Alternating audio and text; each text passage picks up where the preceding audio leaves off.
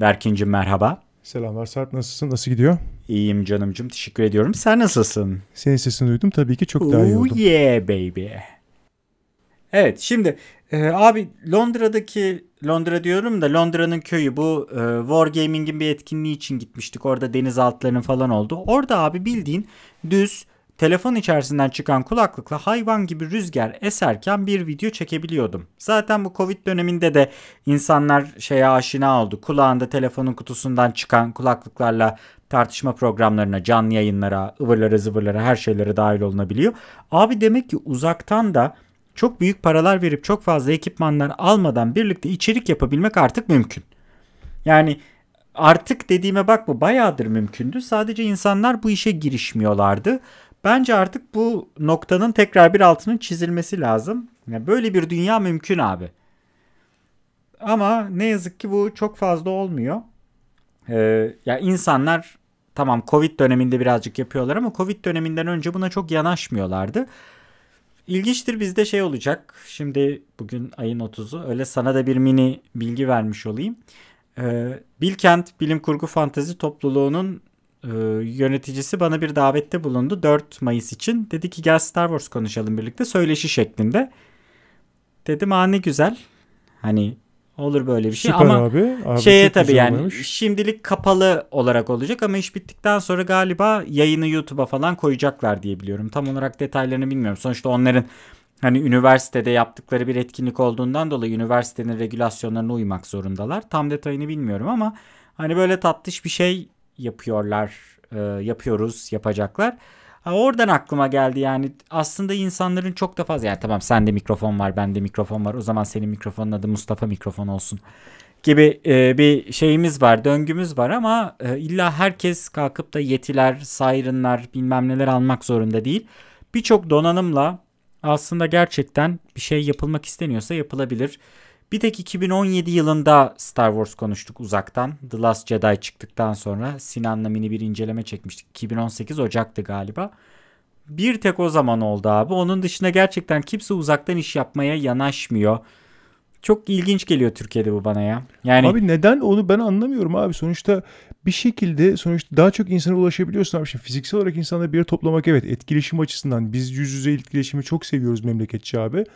Ama yani hani bunu her zaman yakalayamazsın ki. Bir de insanları hakikaten lojistik olarak bir yere toplamak zorken üzerine bir de salgın koşullarında bunun alternatifi çok çok daha başarılı abi. Discord'da olur bunun, Skype'ı olur, bir şeysi olur. YouTube'dan canlı yayın açarsın, Twitch'ten canlı yayın açarsın. Ya bu teknolojiler bugünler için abi yani. Bugünlerde daha çok değerini anladık. Bugün yani en böyle e, bilmem kaç yaşında ununu elemiş, eleğini asmış işte ekonomistlerdir, siyasetçilerdir, eski siyasetçi, emekli siyasetçilerdir. Hepsi interneti baştan keşfediyor. Evet ki- kimisi torunundan, kimisi çocuğundan destek alıyor. Bir şey yapıyor eyvallah. Ama bu teknolojiyi kullanıyorlar ve şeyi fark ettiler abi. Daha çok insana hitap edebiliyoruz bizi fark ettiler. Ondan sonra da zaten abi sadece internet üzerinden yayın yapan şey, e, basın kuruluşları türedi. Türedi yanlış bir sözcük. Kötü anlamda kullanılır türemek genellikle. Yani var, varlığını sürdürmeye başladı. Bu son 10 yıldır böyle tabii ki. Hani sadece Hı hı. dijital yayını olan e, gazeteler, o, yayınlar var. Sadece gazete olarak değerlendirmemek lazım. Gazetecilik yapan yerler de var. Sadece internet üzerinde. Matbuata ihtiyaçları yok. E bunun kanunu da çıktı. Patronun seni sen internet gazetecisiysen e, 212'li gösterip seni hakikaten basın kartı alman yolunda da gerçi artık basın kartları siyasi O iş olarak evet. dağıtılıyor falan. komple ki. şey oldu yani insanlar elde edemiyor. Neyse evet. E, neyse e, böyle bir vaziyet de var yani hani sonuçta iş oraya kadar geldi ya buraya kadar geldikten sonra yani artık bu teknolojilerle ya insanlarla bir araya gelemedik sıcak temasta bulunamadık abi bulunma uzun yaşa zaten anasını satayım. Bu arada çok enteresan bir istatistik var abi normalde e, her yıl işte atıyorum 10 kişi dönemsel grip kapıyorsa influenza yani hani grip Hı hı. kapıyorsa abi o ki o onda bire inmiş falan yani hani bu arada E bütün tabi dünyada. abi yani maskeler, normal mes- maske, mesafe, temizlik falan diyoruz. Abi orada da işe yarıyor. Ondan sonra maskeler korumuyor diye şeyler yap- yapanlar var abi işte. Odunlarla kovalamak istiyorum. Tabii e, maskeyi aynı maskeyi Abi 5 gün odun odunla- kullanansa odun odunla kovalayamazsın o biraz zor olur. değil mi? Eşyanın tabiatına aykırı. Neyse bu ağır Tabii. oldu biraz. Yani gerçekten maskenin korumaması olayına hiç artık girmiyorum. Zaten bir de Berkin'cim e, hayırlı uğurlu olsun hem sana hem dinleyicilerimize. Tam kapanmaya girdik abi. Abi vallahi Artık- güzel kapadılar. Üzerimize beton dökecekler diye bekliyorum. Abi gel ben betonu dükkanda biliyorsun şey var hobi beton var. Hobi betonla istersen üstüne hızlıca 30 dakikada kuruyan şekilde dökebilirim. Şipşak temiz dökeriz acısız dökeriz. E, İnsan overlock da yaparız. Her böyle şeyi güzel yapabiliriz. arkadaşları olması güven veriyor. Tabii abi yani güvenin G'sini birazcık ayırıp böyle bir hani iyice bir şey yapabiliriz.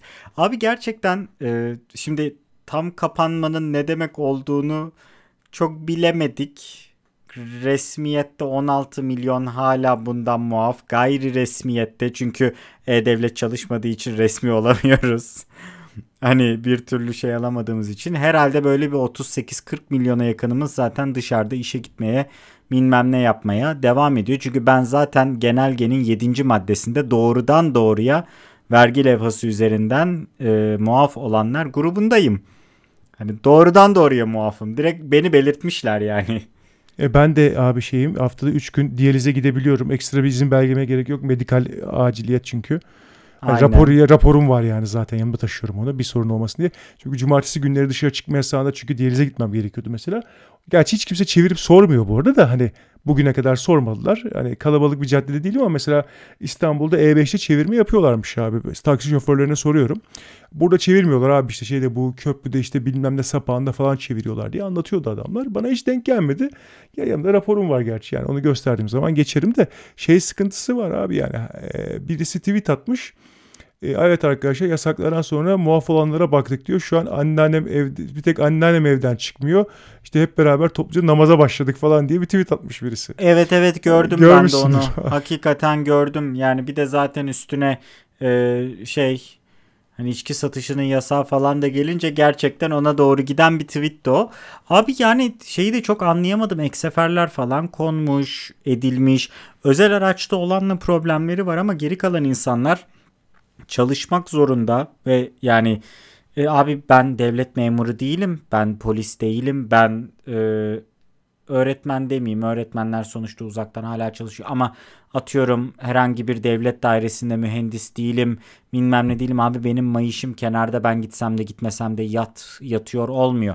Ki bir parantez açayım. Oradaki birçok tarafta da bazı aylar yarım maaş, bazı aylar tam maaş gibi bir düzenleme varmış. Çok geçen seneki e, Nisan Mayıs konusunu hatırlıyor da olabilirim. Belki güncelde değişmiştir ama yani onlarda da bir aksaklık söz konusuydu. Ama abi aksi durumda ben işe gitmediğim her gün sıfır yazar bana.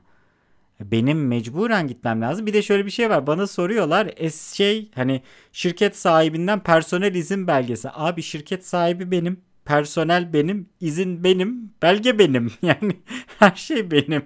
Ya ben çok, de öyle çok, bir şey çok çok bir şey yaramıyor evet o. Abi ya şey vergi levhana bakıyorsun Sarp Kürtçü yazıyor şirket adı olarak. Benimki şahıs şirketi çünkü. Tamam markam var bilmem neyim var ıvır zıvır ama marka senin şirketinin altındaki alt kimlik. Asıl kimlik değil ki. Benim asıl kimliğim şirket. Yani merhaba işte şirkete hoş geldiniz. Şirketin duvarında Sarp Kürtçü yazıyor olması lazım normalde. Resmiyette benim şirketim o. Hani Öyle bir durum olunca ona bakıyorlar. E peki abi diyorlar. Zaten şey hani klasik Türkiye'den NACE kodu diye söylenen şey. NACE kodu zaten benimki imalathane, plastik imalathanesi. Hı hı. Hani bir, bir garip bir ilginç durum ama çok fazla sektör vesaire çalışıyor ve hani bu haliyle zaten kimseye bir yardımının dokunacağını da pek kimse sanmıyor anladığım kadarıyla. Yani aklı olan herkes konuya abi yapılıyor öylesine yapılıyor ve yarardan çok zararı varı söylüyor zaten. Hani bu noktada bunun sorgulanmasıyla ilgili herhangi bir sıkıntı olacağını düşünmüyorum ama ya 17 gün gibi kapalıyız. Hatta 19 gün 19 Mayıs'a kadar bağlarlar deniyor. Evet büyük ihtimalle bağlayacaklar ama şu an için söylemediler henüz. Millet daha kudurmasın delirmesin diye. Abi şey şimdi yayı- Türkiye'de en çok yayıldığı yerlerden bir tanesi abi aile ziyaretleri. Şimdi bunları durdurmadıkları ve teknik olarak durduramayacakları için böyle bir sıkıntı var ve bu sıkıntı oluşmaya devam edecek abi. Biz, biz insanlara bunu anlatamıyoruz çok fazla biz. Çünkü abi bizde ev ziyaretleri şeydir mesela durmaz çocuk doğdu mevlidini yapalım. Abi yapın çok güzel de yani işte. Tabii canım mesela bizim işte apartmanda benim çocukluğumdan beri tanıdığım apartman komşumuz evli çocukları oldu. Ben daha gidip çocuğa altın takamadım mesela. Düşün yani hani küçücük çocuk ben çocuğu görene kadar bir buçuk yaşına gelecek çocuk resmen. Abi ben daha güzel bir şey söyleyeyim. Ben e, yeğenim 2 yaşında. Ben 2 sene önce amca oldum. Kendisini Hı hı. daha görmedim. Amerika'da yaşıyor çünkü. I give you one better. Why is Gamora? Hadi bakalım. Sen şey yapmazdın. Ben Marvel esprisiyle iyice cıvıtayım. Abi öyle ya. Mesela İstanbul'da da benim samimi bir arkadaşım ve onun çocuğu. Ya arkadaşım eşi ve onun çocuğu. Ya Deniz ben Deniz'i de göremiyorum. Yani işte bütün bu her şey bitsin bir İstanbul'a geleyim istiyorum. Bir sizleri göreyim edeyim. Çünkü İstanbul'da göreceğim çok insan var. Hani bir böyle çarşambadan dükkanın kapısını kapayım, çıkayım. En azından bir 4-5 gün. Ama bunu yapabilmem için ortalığın biraz sakinleşmesi lazım. Hani ben de eleştirdiğim şey olamam. Özledim insanları ama yine de hani ev ziyareti diyoruz. insanları bulaştırıyor diyoruz. Bunu eleştirirken aynı zamanda yapmak hoş olmaz.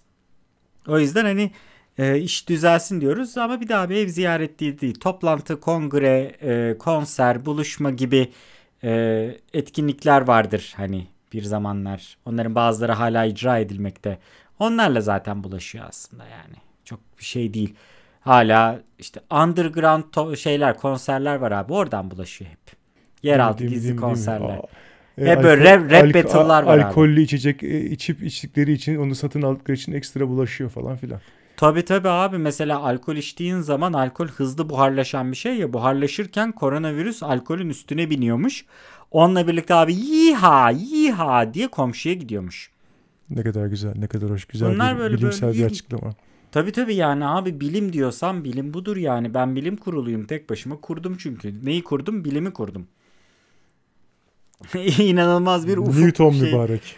Abi evet ya. Bu arada Newton'la ilgili hızlıca bir şey. Abi adamın psikopatlaşarak kendi gözünün içerisine çubuk sokup çubuk çaktığını biliyor muydun? Yok bilmek istemiyordum. Transorbital lobotomi mi yoksa şey mi? Değil değil abi gözünün alt kısmına yani göz çukurunun alt tarafına ince bir metal çivi çakmış. Şeyi ışığın e, kırılma tayfını algılayabilmek için. Peki. Bir şey diyemiyorum. Manyak. Abi deme zaten çok yani o durumlara Gerçi gelmemeliymiş yani. kalkulusu icat eden adama çok da bir şey söyleyemiyorum. Neyse. Tabi tabi yani pek şeydi bu hani Kant hakkında gerçekten matematik formülü gibi yazan insan denir ya. Hani bu da ona doğru giden bir muhabbet oldu. Bu arada e, şey hani tam kapanmayı en azından şu anlamda değerlendirmek lazım. Abi sağlığa dikkat edelim. Hava bahar, hava güzel. Yani dışarılar bu kadar güzelken iş, ev 1984 muhabbeti yine. Sadece iş ve eve gidip geliyor olmak insanları haklı olarak koyacaktır. Aman ha hani derdimizi yemekten çıkarmayalım diyelim.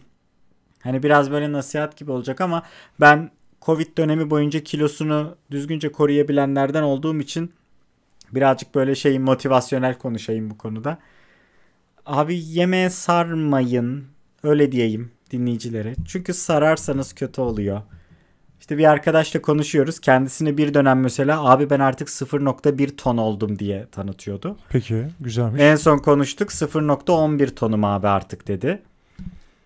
Ee, ben de dedim abi mümkün mertebe birazcık seni ton ölçeğinden çekelim. Yani tonla söylemesi zor olan ölçeklere çekmeye çalışalım. Ne yazık ki işte hazır gıda şey özellikle evde çalışanlar için zaten sürekli oturma bir dert.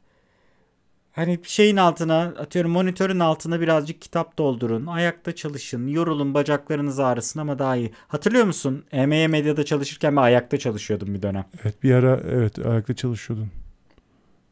Yok abi deliriyordum çünkü yani gerçekten otur otur otur şey yapıyor. Mesela şu anda iş yerimdeki koltuğu değiştirdim. Minder kısmı birazcık ince ve yaklaşık olarak 1,5-2 saat oturduğunda rahatsız eden bir koltuk aldım. Herkes bana garip garip bakıyor. Niye rahat edemeyeceğim bir koltuk aldın diye. Diyorum ki amaç orada zaten rahat edememem lazım.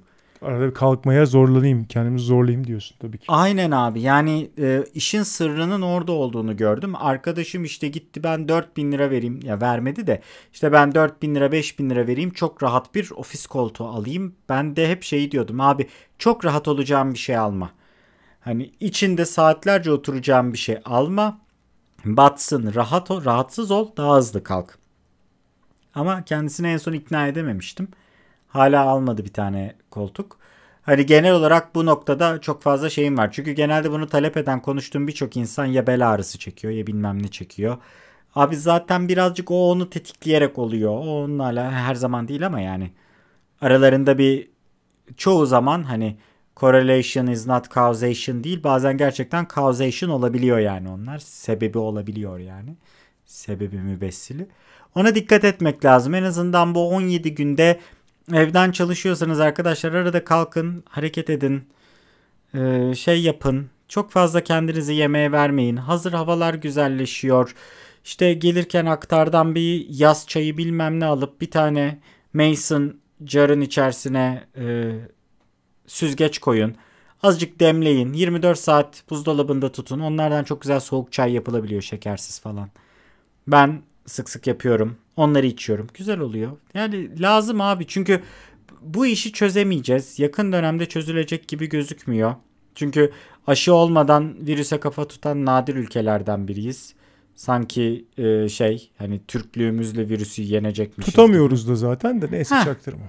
Aynen yani o nedenle en azından bir nebze yaşamı eğlenceli hale getirmek ve hani bu işi böyle yönetmiş olan insanlara da bir daha şanslarının olmadığını anlatabilmek için nazikçe zamanı geldiğinde işte bir sandığın içine zarfı atmak şu anda akla gelebilecek daha iyi bir çözüm yok yani. Çünkü yani onun dışında yaptığımız birbirimizi rencide edecek her türlü RRR bir şekilde havada kalıyor abi. Yani ne, ne diyebilirim o noktada bilmiyorum. Senin var mı peki bu 17 gün için hem kendi planladığın bir şey yani abi şunu şunu yapmayı planlıyorum kendimi daha iyi tutabilmek için. Hem de işte insanlara naçizane söyleyebileceğin arkadaşlar şunu şunu yaparsanız biraz daha işte iyi olur falan diyebileceğin. Abi olmaz çünkü şöyle söyleyeyim sana çok net bir şey var abi. İnsanlar abuk sabuk balkonsuz evlere hapsolmuş durumda. Balkonlarını geçtim. Bazıları kotun altında oturuyor İstanbul'da. İstanbul gibi bir şehre bilmem kaç milyon insanı toplamanın kötü bir fikir olduğunu zaten yıllardır söylüyoruz. Hasbel kader Hani burada doğmuş bulundum. Burada doğmamış olsam buraya geldikten sonra tahminen geri kaçardım. Evet hey. iş, iş, iş güç olayları şekil bir evet senin gibi. Ee, çok doğrusunu yaptın abi. Ben yani İzmir'in de mesela iğrenç bir trafiğinden geçip sonuçta mesela otobüste geldiğim zaman geliyorum senin oraya Balçova tarafında kalıyorum mesela geldiğim zaman biliyorsun. Sana Hı-hı. yakın olabilmek için. Ee, abi şöyle bir vaziyet var yani oradaki trafik beni nefret ettiriyor ama en azından düze çıktığım bir yer var. İstanbul'da artık öyle bir şey kalmadı abi. Her tarafı iğrenç. Bu bir. İkincisi ciddi bir konut sorunu var. Üçüncüsü bu konut sorununun birkaç şeysi var. Bunlardan bir tanesi evlerin biçimsizliği, aptallığı, kutu gibiliği ve 20 katlı binalarda komünist blokların insanların para istemesi. Şimdi sorsan abi sokağa çıkıp komünizm, komünizm çok kötü falan filan diye abuk subuk konuşacak insanlar var. E abi en azından komünist blokta sana evi bedava veriyorlar kendi sosyal durumuna göre, şeyine göre işte çocuğun varsa işte rütbene göre bir şeyine göre daha düzgün evlerde bir şekilde oturabiliyordun. Evet her, her bok düzgün çalışmıyordu belki ama en azından kutu gibi abuk subuk komünist bloklarına para vermiyordun. Çünkü komünist bloğuydu onlar. Çünkü devlet senin için yapıyordu onu. Yetiştirebildiği kadarıyla da halkına dağıtıyordu. İnsanların barınmasından sorumluydu halk, Hı-hı. devlet. Ulan şimdi aynı abuk subuk yere komünizm çok kötü diye adam gidiyor 500 bin lira para veriyor. Abi siz geri zekalı mısınız? Kusura bakmayın. Abi hani, oradaki mısınız kısmını alabilirsin yani. Sor, yani. Soruluk bir kısmı yok onun. Yani hep şey çünkü gerçekten İstanbul'da apartman dairesine 18 milyon lira istiyorlar. Abi Florida'da 1.2 milyon liraya hani nehrin dibinde ev alıyorsun yani. Şey milyon lira diyorum milyon dolara ya da 4 milyon dolara apartman dairesi alıyorsun yani 4 kere 8 32 yaklaşık olarak 32 milyona öyle bir İstanbul'da ev alacağıma ben gider yani Florida'da alırım zaten yani. Abi işte böyle bir şeyler var. İnsanlar bunları görmüyor abi mesela. Abi öyle abuk subuk emlak fiyatları var ki işte İstanbul'da olmalıyız. Hayır abi değilsiniz. Değiliz. Ben de değilim. Abi iki ay Gökçeada'ya gittim.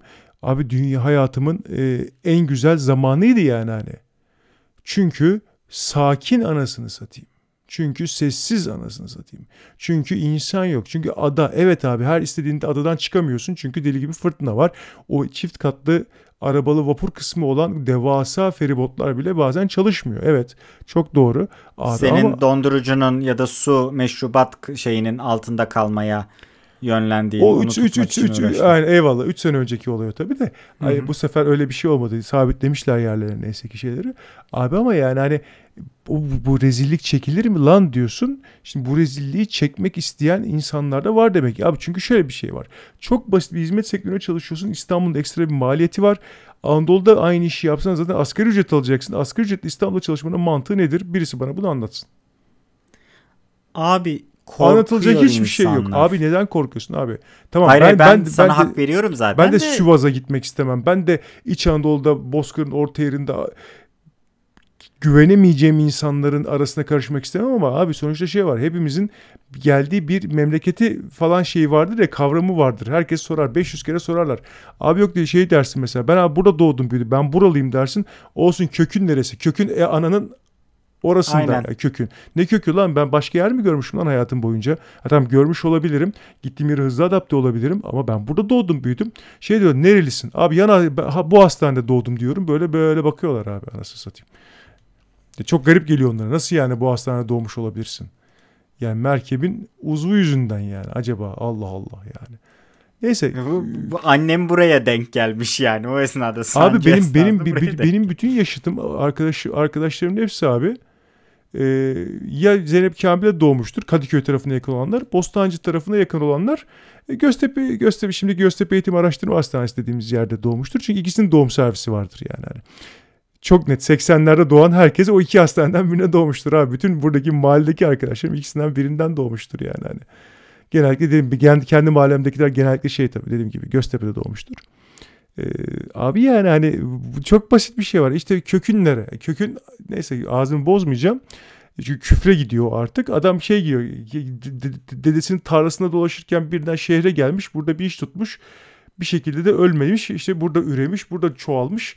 Buraya bir şekilde yerleşmiş. Bazısı da işte bilmem Ümraniye'den işte şimdiki Ataşehir'den Üsküdar'dan tarla çevirmiş. Oraya ruhsat almış. Hırsızlık yaparak e, apartman sahibi olmuş. Gelmiş sana ahkam kesiyor. Gerçek kökün.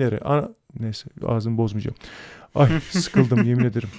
Yok şimdi şey konusunda korkaklık konusunda şunu söyleyeceğim abi. Orada ben bir kelime olarak araya sıkıştırdım ama zor bir konu. Şimdi neden insan İstanbul'da kalıyor? Ben kendi e, sektör içerisinde tanıdığım insanlardan örnek vereceğim.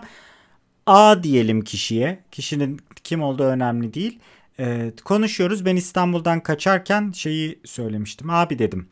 e, ben çok tehlikeli bir döngünün sınırında duruyorum. Bundan sonra dedim İstanbul'da olduğum müddetçe artık kazandığım para harcadığım parayı karşılamamaya başlayacak ve ben ufak ufak ufak ufak işte kredi kartı olsun bilmem ne olsun vesaire olsun borç yapmaya başlayacağım. O nedenle yavaş yavaş bir borç batağına girdiğim döngünün içerisine girmeye başlayacağım. Yani daha doğrusu şöyle e, o noktada borç değildi. O noktada kenara koyduğum para vardı ki o para zaten 3D kafasını kurmak için harcadığım paraydı çoğunlukla. Ee, o karmaşanın içerisinde o paradan yemeği yani hazırdan yemeye başlayacaktım ve hazırdan yemek sermayeden yemek geleceğini karartmak demekti zaten. O yüzden cesur bir adım atmak zorundaydım ve ben İstanbul'dan ayrılmayı seçtim dedim. O A kişisi konuştuğum arkadaş abi ben dedi 5 ay önce senin dediğin döngünün içerisine girdim ve sırf korktuğum için cesaret edemediğim için senin attığın adımı atamadım. Son 5 aydır sermayemden yiyorum ve kurtulma yolunu göremiyorum dedi. Yani korkmaktan kastım bu. Şimdi e, insanların genel olarak abi bir geleceğe dair planlamaları yok. En son bu e, Medium'da yazdığım senle de hani off the record kayıt dışı konuştuğumuz yazı mevzusu vardı. Hani insanların kişilik özellikleri aslında iş bulmadaki ya da iş yerlerine bakıştaki davranışlarını da değiştiriyor. Hem işveren tarafında hem çalışan tarafında. İki tarafta birbirinden memnun değil ama biz bunu sadece ve sadece iş dünyası gibi değerlendiriyoruz. Olay aslında kişilik bozukluğu. Yani kaba tabirle söyleyeceğim. Bu lafı çok sevmesem de mayamız bozuk abi. Mayamız bozuk olduğu için ne işveren ne de çalışan tarafında biz bir bağ kuramıyoruz genelde Türkiye içerisinde. Şimdi böyle bir karambolün içerisinde insanların doğal olarak geleceğe dair böyle başı kesik tavuk gibi koşuyorlar.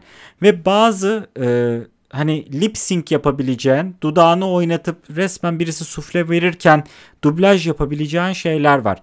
Üniversiteyi bitirir bitirmez yüksek lisans yapmak. Yüksek lisansını devam ederek bir yerde bir şey bulmak. İşte doğrudan doğruya kariyer nete falan girmek. İşte sana diyorlar ki staj çok önemli staj yapmak.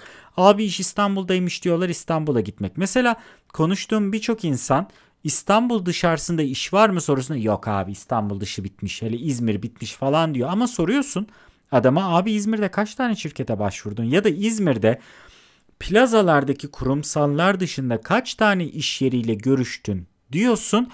Abi işte ben duydum arkadaşlardan İzmir'de iş bitmiş.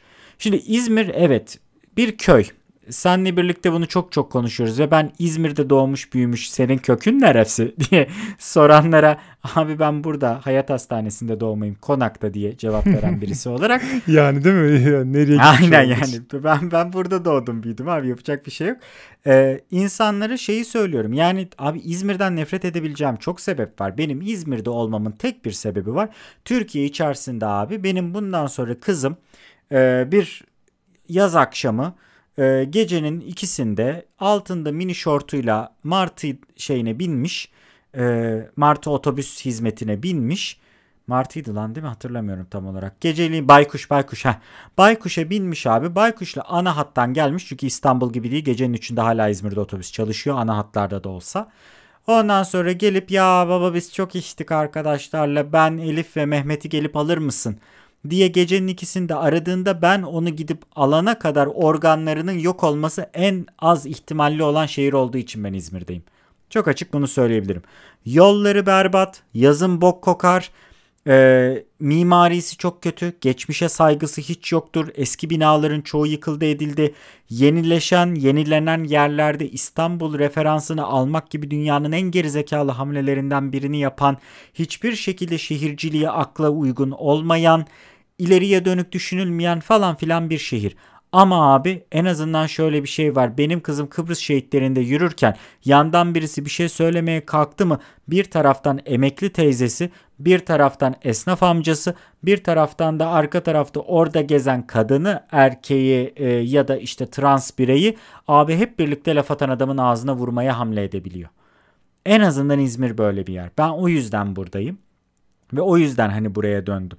Yani neden başka şehri denemedim? E bir de tabii senin şey dediğin konuya da geliyoruz. Ben burayı böyle olduğunu bildiğim için döndüm.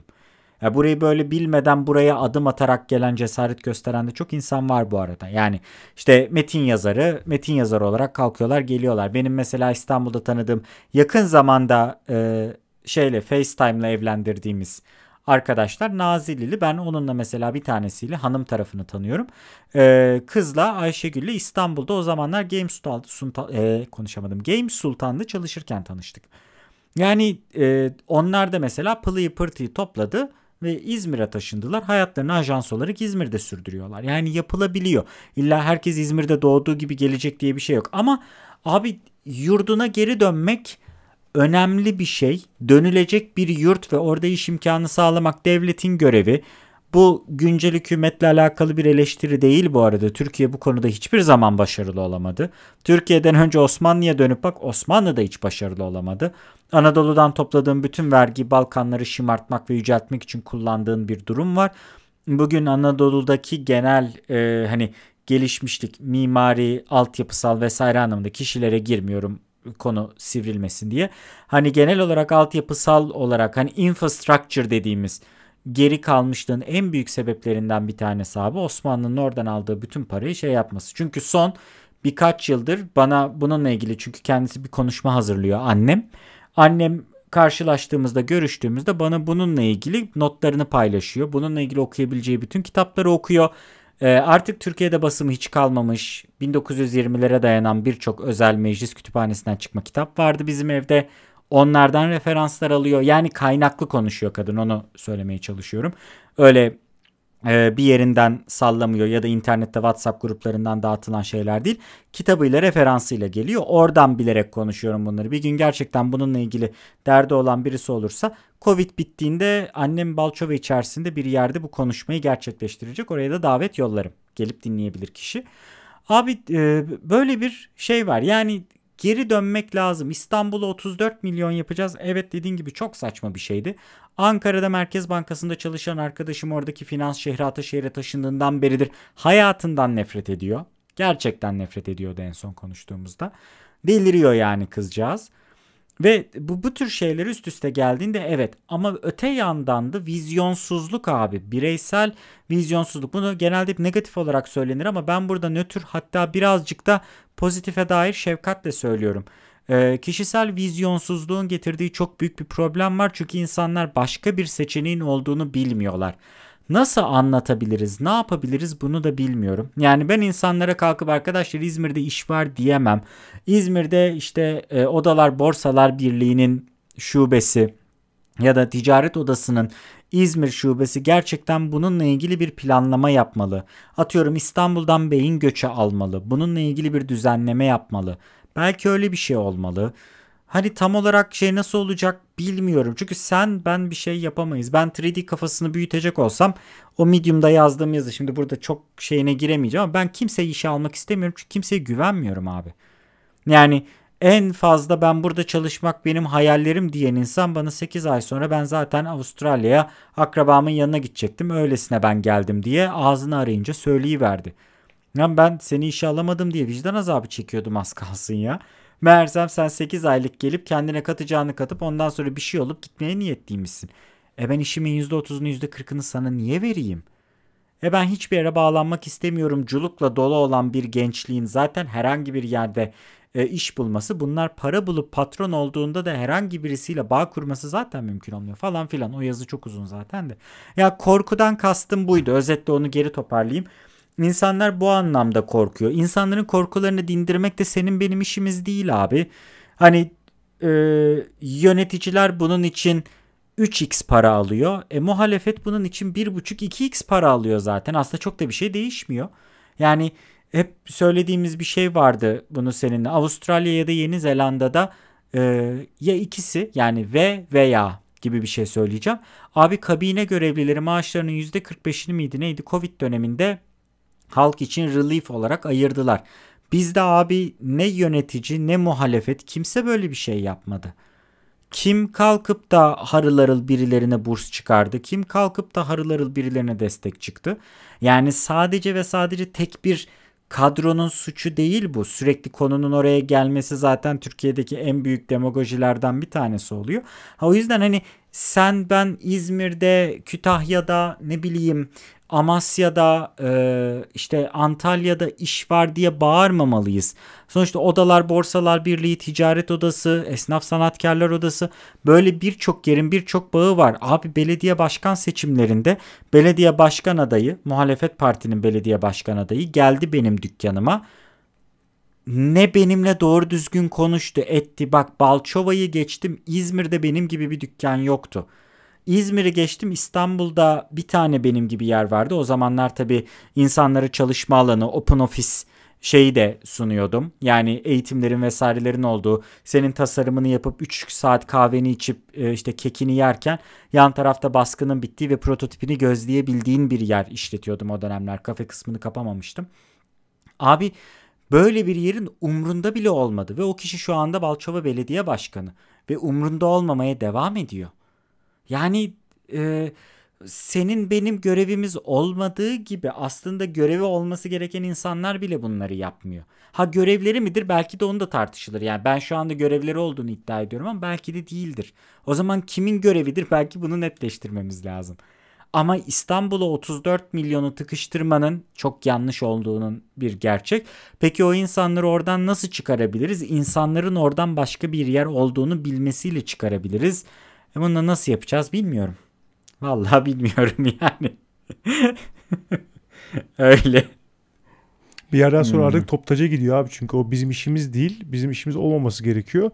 Zaten olmamalı da yani. Hani biz biz, biz o iş için çalışmıyoruz. O yönde çalışmıyoruz. Öyle bir iddiamız yok zaten. Ama işte günün sonunda ah işte geliyor işte biz de yapsak etsek falan diye işte ki öyle öyle konuşuyoruz yani hani. Çünkü abi yani gerçekten hani e, bir taraftan kaçan kaçıp gidenleri anlıyorum. Bir taraftan kaçıp gitmek istiyorum. Bir taraftan da senle bunu çok konuştuk. Hiç de istemiyorum. Bir taraftan anlamsız bir vatandaş anlamında. Yani e, ortak vatanı paylaşan e, anlamında garip bir bağlantım var. Hiçbir şekilde bunu köksel. Nerelisin sen? köksel ya da dinsel ya da başka bir şeysel değil abi. Sadece ve sadece insanların benim diyebileceği bir yer ya yerleşiklik konusunda benim diyebileceği enstitüsel bir yapıya karşı da çok garip bir bağlılığım var benim. O nedenle bir yandan hiç gitmek de istemiyorum. Böyle arada derede kaldığım, nereye tam olarak yatırım yapacağımı bilemediğim bir şey var. O yüzden hani şeydi geçenlerde Twitter'da da öyle bir şey yazmıştım. Bu aralar zaten ben Twitter'da ne zaman bir şey yazsam 5 tane takipçi takibi bırakıyor. Herhalde fazla sivrileştiğinden dolayı tweetlerim bilmiyorum. Twitter'ımı geri açtım bu arada ama çok aptalca bir şey oldu. Sıfırlanmasını bekliyordum ya. Abi yanlışlıkla 2 gün önce açmışım. Başlangıcında uyardıysa bile haberim yok. Direkt bastım ve yani iki günle kaçırmışım. O yüzden şimdilerde de sivri tweetler atarak insanları temizlemeyi yani insanların çıkmasını sağlıyorum gerçi. Yani o kadar ilginç bir şey ki yurt dışından buraya sallamak çok kolay. Ama abi buranın şartları içerisinde lalibe anlatır gibi bir şeyleri anlatabilmek, işte fikir verebilmek, konuşabilmek, bazı riskli çemberlerin çevresinde durarak illa hakaret değil bu arada. Yani abi bir şeyler ters gidiyor. Bu ters gidenleri nasıl çözebiliriz için e, bir şeyler konuşabiliyor, çabalayabiliyor olmak bence çok daha değerli. O yüzden şeyi demiştim. Burada irili ufaklı işte bizim podcast'te yaptığımız ya da videoda senin ara sıra işte konuların içerisine sıkıştırdığın e, muazzam Devingen'deki mevzular. Yani birilerin söylediği hani illa o kötü bu bok bu çirkin falan değil. Abi nasıl çözebiliriz? Sohbetleri irili ufaklı hepsi büyüktür yurt dışından en profesyonel sallama. En küçük Türkiye'de yapılan şey bile abi büyüktür yurt dışındaki en profesyonel sallama. Çünkü abi oradayken konuşması çok kolay. Hakikaten çok kolay yani. Sen rapçisin bilmem necisin gitmişsin Berlin'de kıçını yaymışsın Türkiye ile ilgili atıp tutuyorsun rahat rahat. Hayat sana kolay yani. Tabii ki tamam dünyadakilerin görebilmesi için bir çaba göster bir şey yap ama yani övülecek bir yanın yok abi orada konuşuyorken. Burada Türkiye'de gerçekten insanlar hani çok daha büyük riskler hani hep şey geyiği vardır ya Silivri soğuktur geyiği. Hani o e, tırnak içinde söylenen cümle altında gazetecilik yapıyor burada insanlar. Ya onların gerçekten sadece 300 okunan bir haber haberi atıyorum 500 bin tane takipçisi olan birinin tweetinden çok daha değerli. Benim gözümde en azından. Ama işte kimin sorumluluğudur, kimdir, ne değildir onu da hiç bilemiyorum. Ya bir fikrim yok açıkçası. Ama yani İstanbul dışı bir yaşam mümkün mü mümkün olması için yapılabilecek bir konsensus var ise yani üstünde düşünüp çalışabileceğimiz bir konsensus var ise yapalım abi. Fikirleri ortaya koyalım. Hani eli taşın altına sokabiliyorsak sen nasıl Gökçeada anılarını anlatıyorsan ya arkadaş uzaktan çalışmada böyle bir şey mümkün. Gökçeada'nın interneti kesilebiliyor ama bakın şöyle şöyle çözüm buldum. Bu bile abi bir alternatif. Ya da benim İzmir'de bakın böyle böyle bir iş yeri mümkün diyebilmem. Yani evet çok iş kaçırdığım oluyor. Özellikle Ankara'dan ve İstanbul'dan ve Kocaeli'den çok iş kaçırdığım oluyor. Çünkü gelip görüşmek istiyoruz. Bazı problemleri hani tasarım aşamasında sizinle konuşalım. Böyle uzaktan olmuyor diyorlar. İş kaçırıyorum ama olsun abi böyle bir şey mümkün. Yani böyle bir dünya mümkün diyebilmek. Bu bence önemli. Bu, bu imkanları görüyoruz, anlatıyoruz ama işte uygularken veya insanlar uygularken dediğin gibi korku engeline takılabiliyorlar. Bu da çok normal aslında çünkü insanın maalesef korkularıyla yönetilen bir şey. İşte bilmem kimler gelirse bilmem ne olursunuzdan e, çok farklı değil sonuçta. Biliyorsun siyasette kısmen halkı tehdit edip aslında bu tehditle beraber yaşayıp onları işte ölümü gösterip gerekiyorsa sıtmaya razı etmek üzerine kurgulanan abuk sabuk bir şey. Yapacak da çok fazla bir şey yok işte. Öyle abi. İnsan hani... doğası. Ha buyur özür dilerim. Yok insan doğası yani o. Ha sen bir de benden daha fazla yıl görmüş ve İstanbul içerisinde özellikle Kadıköy gibi bir yerde, Bostancı gibi bir yerde çoğunlukla da bulunabildiğin için farkındalığın benden çok daha yüksek bir insansın. Abi sen bundan öncekileri hatırlıyorsun. 2002 yıl öncesini hatırlıyorsun. Ben bir dereceye kadar hatırlıyorum. Yani şey bir o yüzden hani konu her zaman için şeye gelmemeli işte hükümet eleştirisi demagojisine gelmemeli. Bizde gerçekten hani topraksal bir şey. Tabii ki bunun böyle hani buranın suyunda bir şey yok. Ama hani mecazi olarak söyleyeceğim buranın suyunda bir şey var abi. Yani onu bir türlü çözememişiz. Önceden de çok çok iyi değildi. Önceden de çok çok farklı değildi. Tamam yani e, ölçek farkı var. Onun şey yap yani scale birden scale 1000'e çıkmış var durumda şu anda. Onun farkındayım. Ama abi eskiden de scale 1'de problem vardı zaten. Bizde hep bu dertler vardı. Hiçbir zaman şeysiz değildik. O dediğin hani e, sıtmaya razı etme olayı zaten hep vardı. Bir, bir ilginciz yani Ama işte burada da ne oluyor?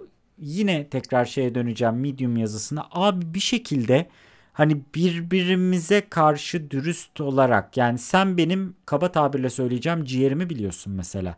Ya benim senden gizlediğim içsel yani kişisel ya da işsel herhangi bir şey olmadı. Ben seninle her şeyi konuşuyorum mesela. Çünkü seninle benim aramda böyle bir güven var. Benim böyle güveni kurduğum birkaç tane arkadaşım var mesela.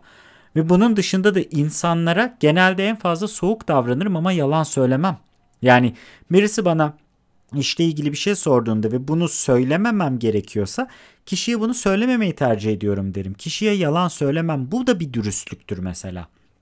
Ve hani genelde bu dürüstlükle ilgili şeyleri yaptığım için birazcık tepki aldım. Yani ben özellikle İstanbul piyasasında çalışırken. Çünkü İstanbul piyasasında benim çalıştığım sektörde herkes kaypaktı. Herkes kaypaktı. Yani o palavralar, o şeyler A çekip B ile çekiyoruz demeler, X kamerasıyla çekiyoruz, biz bunu Z ile çektik demeler, advertorial alıp biz aslında advertorial yapmıyoruz ayağına yatmalar. Yani o kadar fazla kaypaklık içerisinde yaşıyorduk ki. Şimdi insanlar buna alıştığı için ve sen de bu işin içini gördüğün için hani başkasının kaypaklığını yemiyorsun ve hani bu kaypaklıkla zaten sürdürülebilir bir şey olmuyor ve biz de gerek toplumsal gerek ülkesel gerek ekonomiksel hiçbir şeyi sürdüremez hale geldik. Yani sustainability dediğimiz sürdürülebilirlik olayı hani terim olan sürdürülebilirlik yok abi kalmadı. İnsanlar içinde de kalmadı ama ben e, bir mahalle arasında dükkan açtığımdan beridir çevremde bulunan bloktaki insanlarla olan iletişimim, Balçova'daki diğer esnafla olan iletişimim olsun. Abi ben şunu fark ettim. Sürdürülebilirlik mümkünmüş. Ama bu nasıl oluyor? Hani yerleşik coğrafyadaki hani resmen amcaların teyzelerin komşuluk önemli arkadaşlar muhabbetine dönecek belki ama ya gerçekten komşuluk olmasa bile e, bulunduğun mahalledeki e, varlıklara karşı bir saygı duyman gerekiyor. Mesela Türkiye'den yurt dışına giden insanların bir anda kapıdan çıktığında Hi James, Hi Stella demeye başlayamıyor olması birazcık bununla alakalı. Hamurumuz bozuk çünkü. Ve o insanlar bunu yapmacık olarak yani biz Türkler gittiğimiz zaman abi Türklerin aklına ilk gelen şey abi buraya karışmak için böyle yapmam lazım. Hayır abi içlerinden geliyor. Ya ben Almanya'da vakit geçirirken Alman adam benimle oturup kolundaki dövmeyi konuşabiliyordu. Fransa'ya gittiğimde Paris'te dünyanın sonunun geldiği kafe diye bir yer var. Baya bir nerd kafesi çok tatlı bir yer. Oradaki bir arkadaşım çok özür dilerim. Arada bir mikrofonun kenarını dürttüğümden dolayı ufak bir ses kaydı yaşadım. Çok çok özür dilerim arkadaşlar. Ee, Fransa'da bir kafe var. Tam olarak nereden kesildiğini şey yapamadığım için onu tekrar söylüyorum. Fransa'daki bir kafede bir arkadaşla oturuyoruz. Ee, 42 santimlik bir hot dog var. 42 şey Galaxy'nin e, otostopçunun Galaxy rehberi muhabbeti. Abi e, nasıl bir şey bu dedim. İşte arkadaş anlattı. Yok dedim ben o kadar aç değilim yemeyeceğim. Dark Side cookie aldım falan. E, come to the dark side we have cookies. Yan tarafta abi iki tane kız var. iki tane kız bir tane e, hot dog istediler. 42 santimlik hot dog geldi. Hakikaten 42 santim. Gösterdim bu mu dedim. Floan güldü. Kız döndü gülümsedi. Pardon dedim bu 42 santimlik hot dog mu? Evet dedi. Abi iki yan, yani yan masamızdaki insanlarla çok güzel konuştuk. Gülüştük. Ondan sonra biz döndük yiyeceğimizi. Onlar Fransızca oturarak konuşarak yemeklerini yemeye devam ettiler. Şimdi bizde abi şey var. Oraya giden insanların genelde bağlantısal olarak çok fazla şey yapamaması. Bizde abi konu bu tür şeylerde coğrafya değil. Bizde yani kalkıp da ben mahallede bana selam veren insana selam veriyorum. Ya kabalık ayrı bir şey. Bizdeki kabalık birazcık hamurla alakalı bir şey. Oraya gittiğinde de yine aynı brooding tipte kulağında kulaklık oturuyorsun. Yani o yüzden New York'a gitmeyi istiyor insanlar. O yüzden Almanya'daki ya da Hollanda'daki küçük bir şehir onlara aynı anlamda çekici gelmeyebiliyor. Hani böyle bir şey karambolü var. Böyle bir sosyal karambol olduğunu düşünüyorum ben. Çünkü yapabiliyorsan abi Türkiye'de de mümkün bu olay. Yani ben mesela e, işte babam geçenlerde bir olay oldu da hastaneye kaldırılmış. Ben bunun haberini aldım abi. Yan tarafa dükkanımın anahtarını bıraktım. Hiçbir şey söylemeden ki bak yan tarafta benim işte ipragaz yani tüp ve sucu var. Abi kişilerin isimlerini bile bilmiyorum. Anahtarı bıraktım. Abi dedim böyle böyle ben gidiyorum. Aa hiç problem değil dediler. Abi müşterime gerekli olan malı vermişler. Ödemeyi almışlar. Bilmem ne yapmışlar. Yani bu insanlarla sadece sabahları selamlaşıyor olmama rağmen ben o kadar ya düzgün olabiliyor yani. Özetle bunu söyleyeyim. Çok uzatmak istemiyorum ama olabiliyor. Mümkün bu. Bu, bu budur yani. yani. Çok çok da fazla rö rö rö devam etmeyeyim. Bu mümkün. Yapılabilince yapılıyor abi. Yani biraz istemek gerekiyor. İnsanın içine insanlar içinde karışmak gerekiyor. Onlarla iletişim kurmak gerekiyor. Ya basitse selamlaşma bile abi sonuçta adam komşun. Ben biliyorum şey tüpçüyü sucuyu zaten. Hani yan yan dükkanı. Evet hakikaten. evet biliyorsun yan tarafı sen. Ee, abi yani hani bu biraz sosyal niteliklerle ilgili bir şey. Sonuçta e, once öküz always'a öküz yani hani öküzlükten kurtulabilen insan topluma karışıyor. Ha o insanların özet, başka öküzlükleri olabilir ayrı konu abi ama günün en sonunda senin yaptığın şey gündelik o selamlaşmalar bile arada sıcak bir ilişki en azından minimum gerekli ilişkiyi tesis etmene yetiyor yani. Böyle de bir sistem var aslında sosyal mekanizmalara baktığın zaman ama işte dediğin gibi insan New York'a gitmek istiyor. Neden kulağında kulaklıkla etrafta gezerken kimse sana bir şey demeyecek şeysi var. Kimseyle et, etkileşime girmeyeceğim. Abi kimseyle etkileşime girmeyeceksen e, niye gittin yani hani? Kulaklıkla evet, takılacaksın. Evet ya bir anlamda ona geliyor. Ya evet ne gerek var. Bu arada abi e, Apple yeni kobraları saldı. Bir sonraki konuyu ufak ufak geçelim.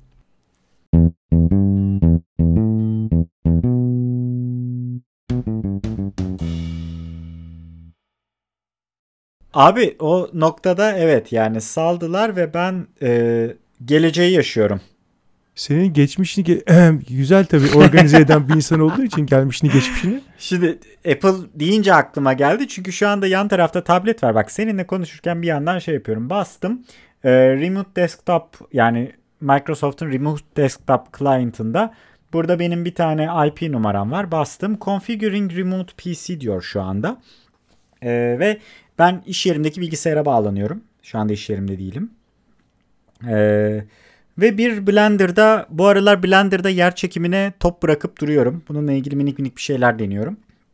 Abi şu anda 120 frame'lik render'ın 20. frame'inde çünkü benim iş yeri bilgisayarım daha güçlü. Ev bilgisayarım tırt eskide artık 10 yıllık bilgisayar. Abi render gerçekleşiyor. Tamam durum güzelmiş diyorum. Remote desktop'a bastım kapattım. Bu hatırlarsan benim hayalimdi. Yani bir gün herkes özellikle yazılımsal ya da hani virtual çalışan insanlar bir yerlerde mini sunucularını kurabilirler. Uzaktan işlerini yapıp buraya yönlendirip oradan verilerini alıp yola devam edebilirler diye. Şimdi yeni açıklanan iPad Pro birazcık bunun böyle şeyi oldu.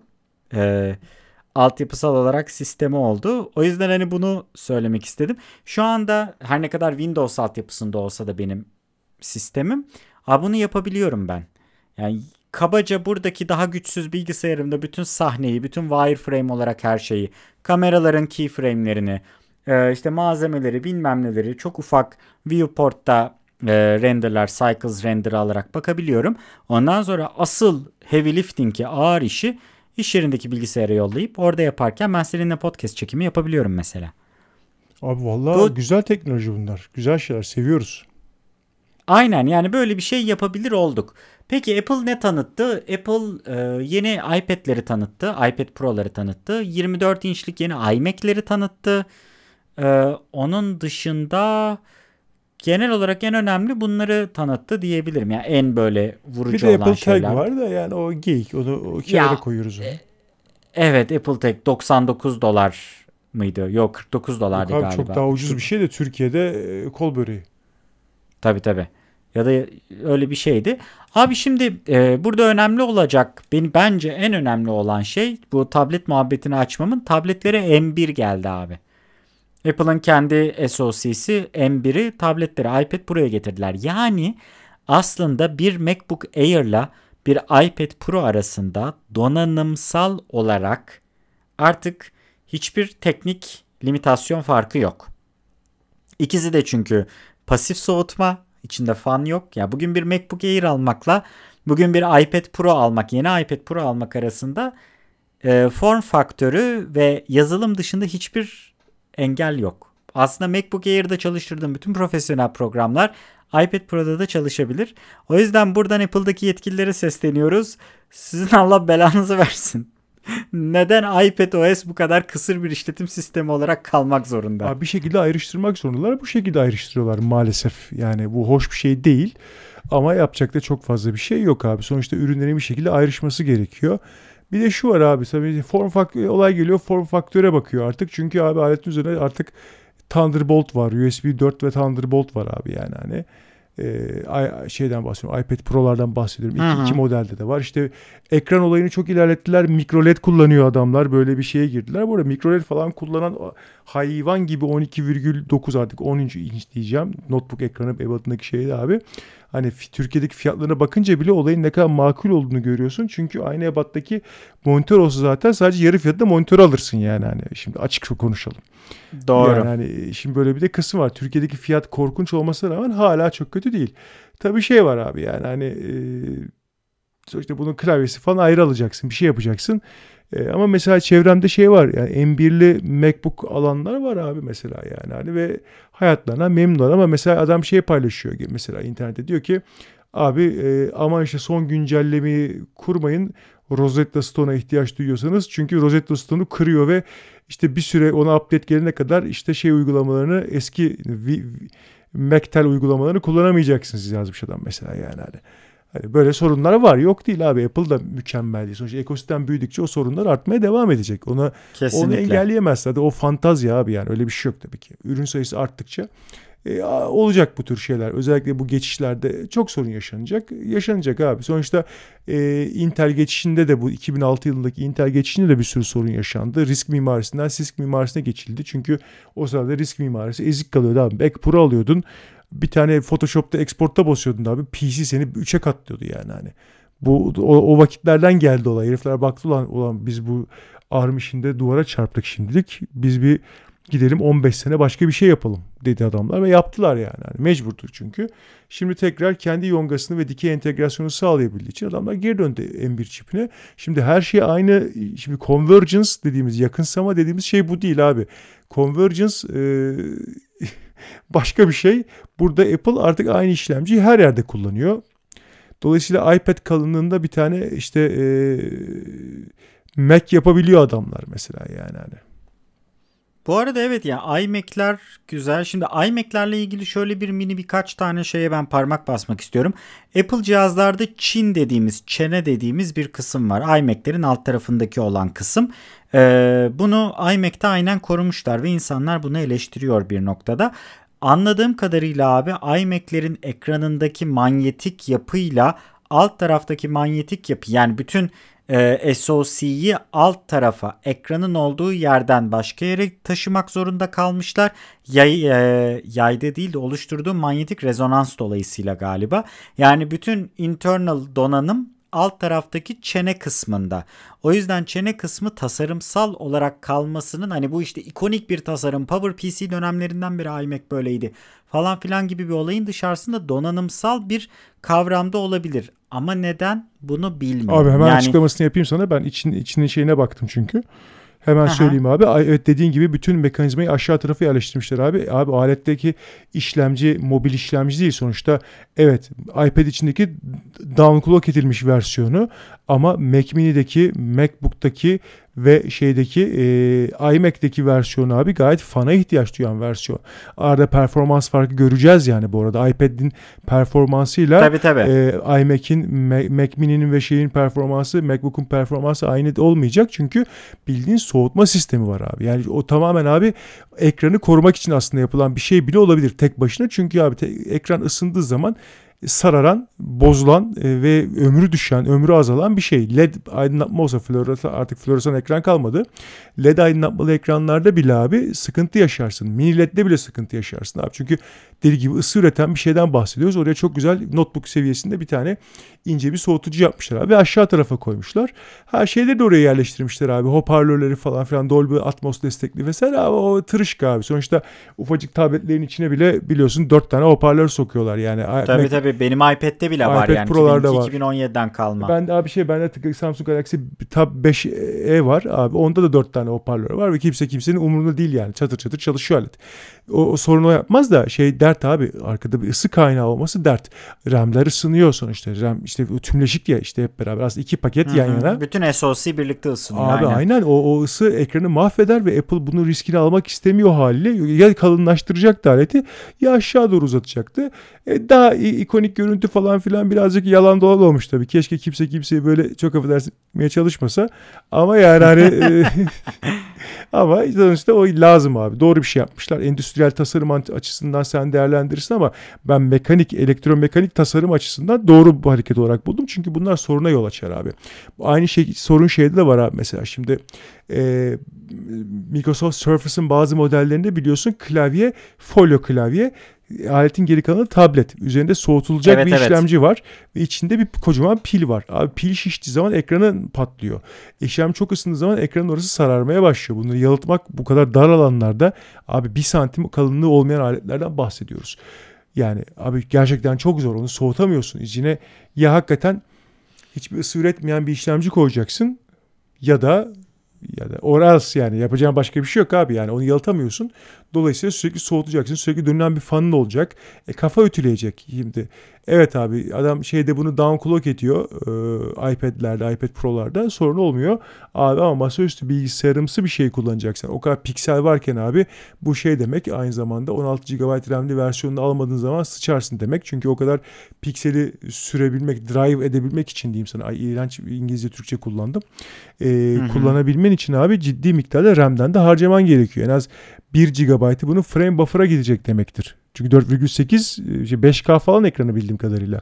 Çok, Tabii çok tabii o var. civarda yani 4 küsür şey ve PPI oranı da bayağı yüksek. Zaten hani Apple cihazlarda all-in-one bir bilgisayar tartışırken ister istemez evet yine senin söylediğin şeye geliyoruz. iPad muhabbetindeki söylediğine. Türkiye'deki fiyatlar acayip fazla ama zaten sadece bu kadar düzgün color calibration olan yani renk kalibresi bu kadar iyi yapılmış özellikle işte publishing'tir, fotoğraftır, videodur bu tür işlerde hani bu kadar temiz görüntü verebilecek bir 4.7K ya da işte o civarda bir çözünürlüğü olan ekran zaten abi o aletin yarısından fazlası ediyor. Hani e, zaten böyle bir karmaşa var. Hani ne yazık ki hem birazcık Türkiye ile alakalı hem de çünkü Apple'ın özellikle son birkaç yıldır bilgisayarlarını tartışırken dünyada böyle bir şeyle karşı karşıya geliyorsun. Yani sen zaten iyi renk kalibrasyonu olan bir ekranlı atıyorum Razer Blade almak istediğinde Razer Blade'in productivity yani e, üretkenlik anlamında M1 ile Apple'a denk olan bilgisayarı zaten aynı fiyat oluyor. Ya da işte hatta Apple MacBook Air'le bunu aşağıya çekmeyi başardı yani. Hani böyle bir karmaşanın içerisine giriyorsun. Evet tamam çok güzel 600 dolara şey de var. Dizüstü bilgisayar da var. Evet günlük işlerini halletmeni yarar. Ama mesela onda Lightroom'da fotoğraf düzenlemek istediğinde düzenlediğin fotoğrafla sonuçta aldığın çıktı birbirine hayatta uymayacak. Şimdi insanların ihtiyaçları giriyor burada işin içine tabii ki. O yüzden e, iMac'teki çene mevzusu bence de doğru bir mevzu tasarımsal olarak bütün ön cam panelin nasıl sökülüp nasıl sökülmeyeceğini bilmiyorum abi. Onu göreceğiz. Çünkü e, o şeyin ne denir ona? Bloğun tümü. Zaten biliyorsun daha önceki şeylerde de iFixit'i konuşmuştuk. E, bu iMac'ler piyasaya çıktığı zaman iFixit yine alacaktır, kontrol edecektir, durum değerlendirmesi yapacaktır ve ne kadar sökülebilir olup olmadığını göreceğiz. Eğer rahat sökülebiliyorsa bu arada bütün o çene kısmı falan metal olan çene kısmı komple camın altında kalıyormuş. Ee, onun hani pratikliğini göreceğiz. Apple bu konuda eleştiriliyor. Gerçi şöyle bir şey var artık SoC'ye indirdiklerinden beri her şeyi aletin rahat sökülüp takılabilirliği bir noktadan sonra kime yarar sağ- sağlıyor o da tartışılabilecek bir nokta.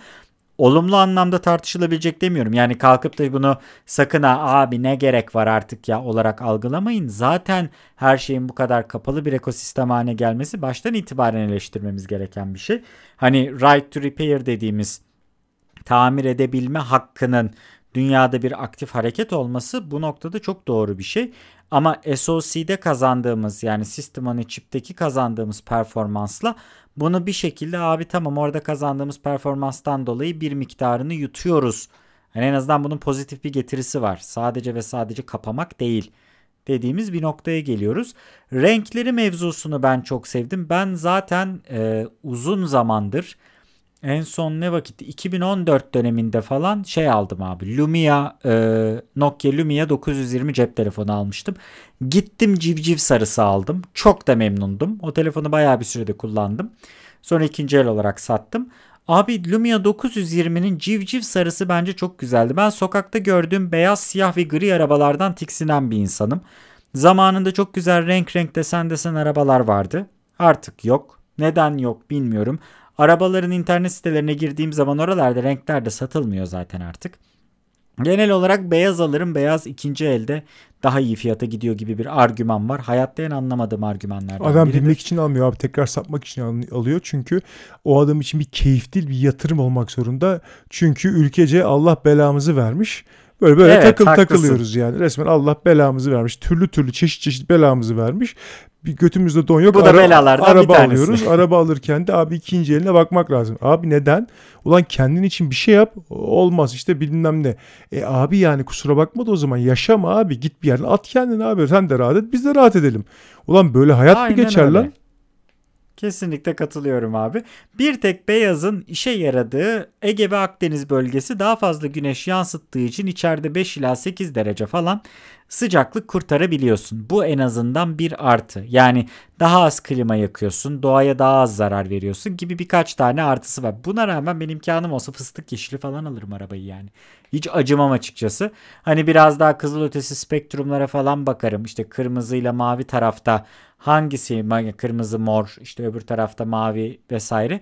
Hani ne tarafta az güneşi yansıtıyorsa o tonlarda ama renkli bir şey alırım. Neyse ben genel olarak renkli donanımları seven birisiyim abi. O yüzden iMac'in renk renk desen desen gelmesi bana inanılmaz tatlı geldi. Ben seviyorum. Şimdi bu noktada da insanlar şeyi eleştirecektir. Abi işte bir önceki seride gri çıkarıyorlar. Bir sonraki seride iki yeni renk çıkarıyorlar. İşte hep Apple'ın planned obsolescence olayları bu. Önceden planlanmış sonunu getirme falan. Abi Chevrolet zamanında Ford T sadece siyah çıktıktan sonra Henry Ford'un şey lafı var ya çok pardon. İstediğiniz renk arabayı alabilirsiniz yeter ki siyah isteyin. Ee, ondan sonra abi Chevrolet miydi? General Motors muydu? Neydi? İlk önce bir arabayı çıkarıyorlar. Cadillac hangisinin de hatırlamıyorum. Cadillac çıkarıyorlar abi. Bir sonraki sene daha önce çıkarmadıkları renkleri çıkarıyorlar. Bir sonraki sene daha önce çıkarmadıkları renkleri çıkarıyorlar. Yani 1920'lerden beri var olan bir şey bu. Apple'a özel bir şey değil. O yüzden hani e, bunun bıdı bıdısını yapmayalım. Yine benzer durumda da e, Veritasium'un son dönemde yakın videolarında birinde anlatılmıştı. Abi ampul teknolojisinde 100 yıl yanabilen ampul var. Bizim tungstenli ampuller. Ama e, bir kartel var. E, Yunan şey tanrısı, ışık tanrısı hatırlayamadım adını. İşte e, Yunan ışık tanrısı karteli adı altında. Buna Philips de dahil, e, Tokyo Elektrik de dahil, bilmem ne de dahil. Yani dünyanın bütün ampul üreten şirketleri bir araya geliyorlar. Aslında biz bir standartizasyon oluşturmak için geldik diyorlar. E27 ve E14 soketler onların döneminde belirtilen bir şey. 1920'lerde toplanıyorlar bunlar ve abi herhangi bir ampulün ortalama 1200 saatten fazla yanmaması için genel bir konsensusa ulaşıyorlar ve böylelikle ampuller patlasın, yenileri alınsın, fabrikalar dönsün. Ne oldu? Planned obsolescence Apple'ın çıkardığı bir şeydi hani aman tanrım falan diye. Ondan sonra 2. Dünya Savaşı öncesinde dağılmış bu kartel. Sonrasında değişiyor falan. E artık ledleri kullanıyoruz vesaire vesaire. Ee, şey konusunda renk renk konusunu çok sevdim. Çok tatlı Ee, ve ilginç bir şekilde bilgisayarın e, arkasında Apple logosu varken ön taraftaki çeneden Apple logosunu almışlar. Ama bu da şöyle bir e, düzeneyi oluşturuyor. Bir zaten çok fazla okullara satacaklar. Zaten öyle bir şey var. E, okullarda sıra sıra alanlarda hani koridor koridor düşün. Koridor koridorlarda dizili olduğu için bir bilgisayar arkasının güzel gözükmesi gerekiyor düşüncesi. Artı abi genel olarak yaşam alanlarında bilgisayarın duvara ve senin de bakışının duvara olduğu genel olarak depresif cubicle ruhundan çıkarmak üzere yapılmış bir tasarım var. Ee, kaçımız bunu yaşamımıza oturtabiliriz bilmiyorum. Benim şu anda konuştuğum bilgisayar mesela duvara dönük bir şekilde. Ama kaçımız bunu uygulayabilirsek onlar abi daha huzurlu, bilgisayar ekranında evden çalışırken ya da bilgisayar ekranının önünde iş yaparken en azından kendilerini basık bir ortamda bulmuyor olacaklar ve bunun için tasarımsal atılmış. Bu biraz endüstriyel tasarım bakış açısı ama bunun için atılmış olan güzel bir adım olduğunu düşünüyorum. Ee, ve bunu da takdir ediyorum. Bir de şey güzel yapmışlar. Ethernet kablosunu aşağıdaki power brick'e almışlar. Ee, böylelikle Ethernet kablosu kalın bir kablo olarak ta bilgisayarın yanına gelip takılmıyor. Sen oradan tek bir kabloyu yukarıya çekiyorsun. Benim iş yerinde kullandığım monitör Acer'ın Porsche Design monitörü var. O da öyle. Tek bir kablo taşıyorsun monitöre. HDMI artı elektriği aşağıdaki power brick'te tutuyorsun mesela.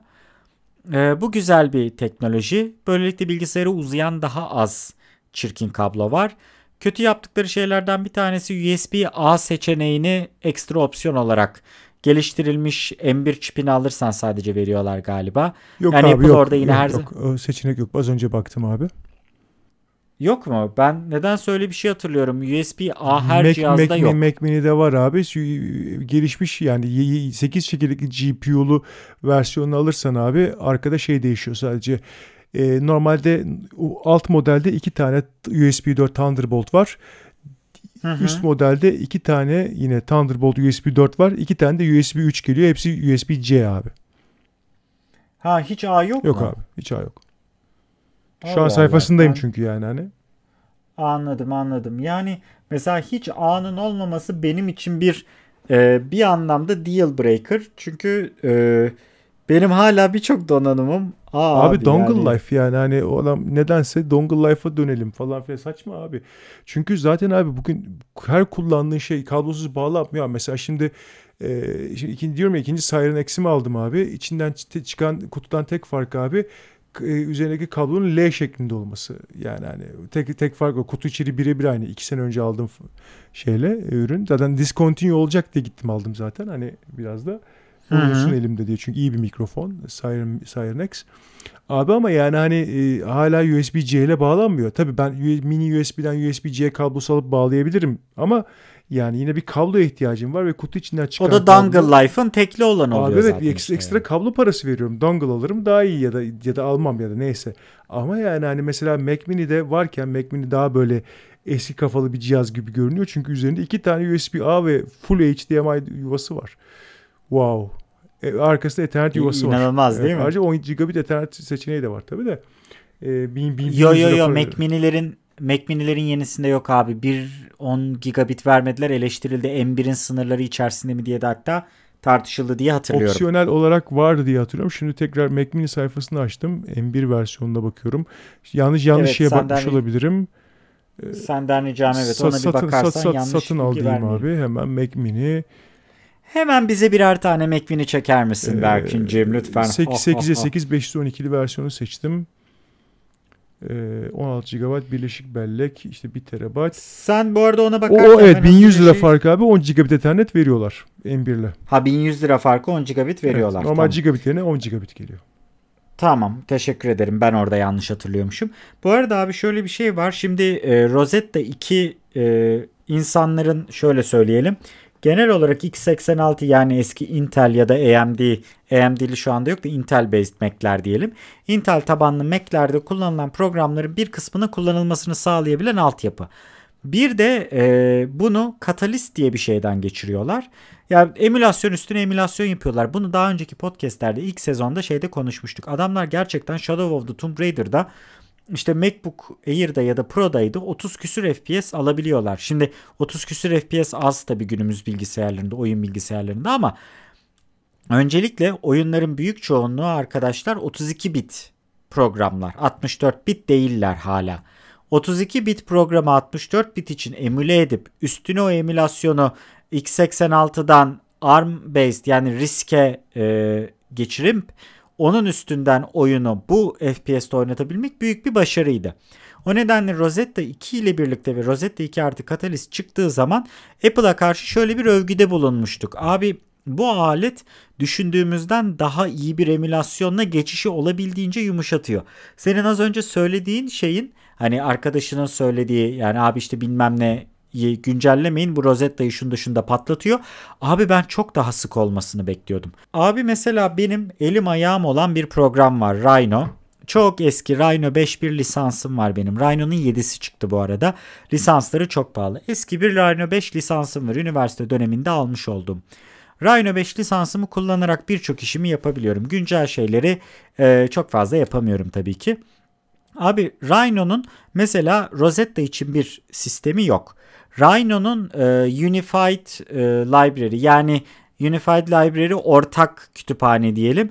Apple'ın cihazlarında artık risk sistemine geçtiğinde yani M1 ve devamında gelecek olan çiplerin ailesine uygun bir şey olması gerekiyor.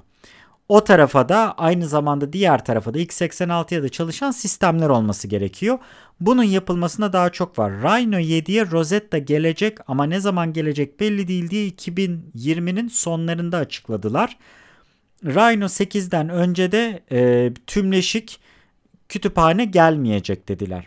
Tamam dedik. Rhino 7 için bekliyoruz. Hatta Rhino 7 için bile nefesinizi çok tutmayın dediler. Abi Rhino'nun 7.6'sı Mayıs ayında çıkıyor ve Rhino'nun 7.6'sı Mayıs ayında Rosetta 2'ye uyumlu olarak bütün ARM'lı Mac'lerde çalışabilir hale gelecek. Şimdi bu büyük bir şey. Çünkü Rhino McNeil diye bir firmanın küçük bir firmanın yapmış olduğu çok premium bir e, program. Zaten o premium yerlere sattıklarından da 995 euro veya dolar şey var abi lisans parası var. Canını okuyor açıkçası. Bu adamlar buradan e, do, şeyi satabiliyorlar. Sistemi satabiliyorlar ve Mayıs ayında artık Rosetta desteğini verecekler. 7.6 ile birlikte. Şimdi bizim düşündüğümüzden çok daha hızlı gelmeye başlıyor bu işler. O nedenle bu emülasyon üstüne emülasyon üstüne emülasyon olayında Apple hiç düşünmediğimiz, hiç düşünmediğimiz biraz iddialı oldu. Elbet birileri düşünmüştür de beklemediğimiz kadar iyi bir performans sundu diyebilirim. O yüzden bu başarılı bir şey. Ama hala bu geçiş sürecinin sancılarını yaşıyoruz. Ben hala e, işte birçok farklı kütüphanenin bu cihazlara uygun hale gelmesini bekliyorum. Bir şekilde götü toparlasın diye. Çünkü yani senin de zaten özellikle benden çok daha detaylı bildiğin ama tabii ki işte şirketsel olarak bazı şeyleri konuşamadığımız kısımlarda şu anda var olan e, birçok kütüphaneye kütüphanede AMD zaten çok daha iyi performanslar sunabiliyor. Ama işte sentetik birçok testte Apple'ın M çipleri çok daha iyi bir şey yapabiliyor.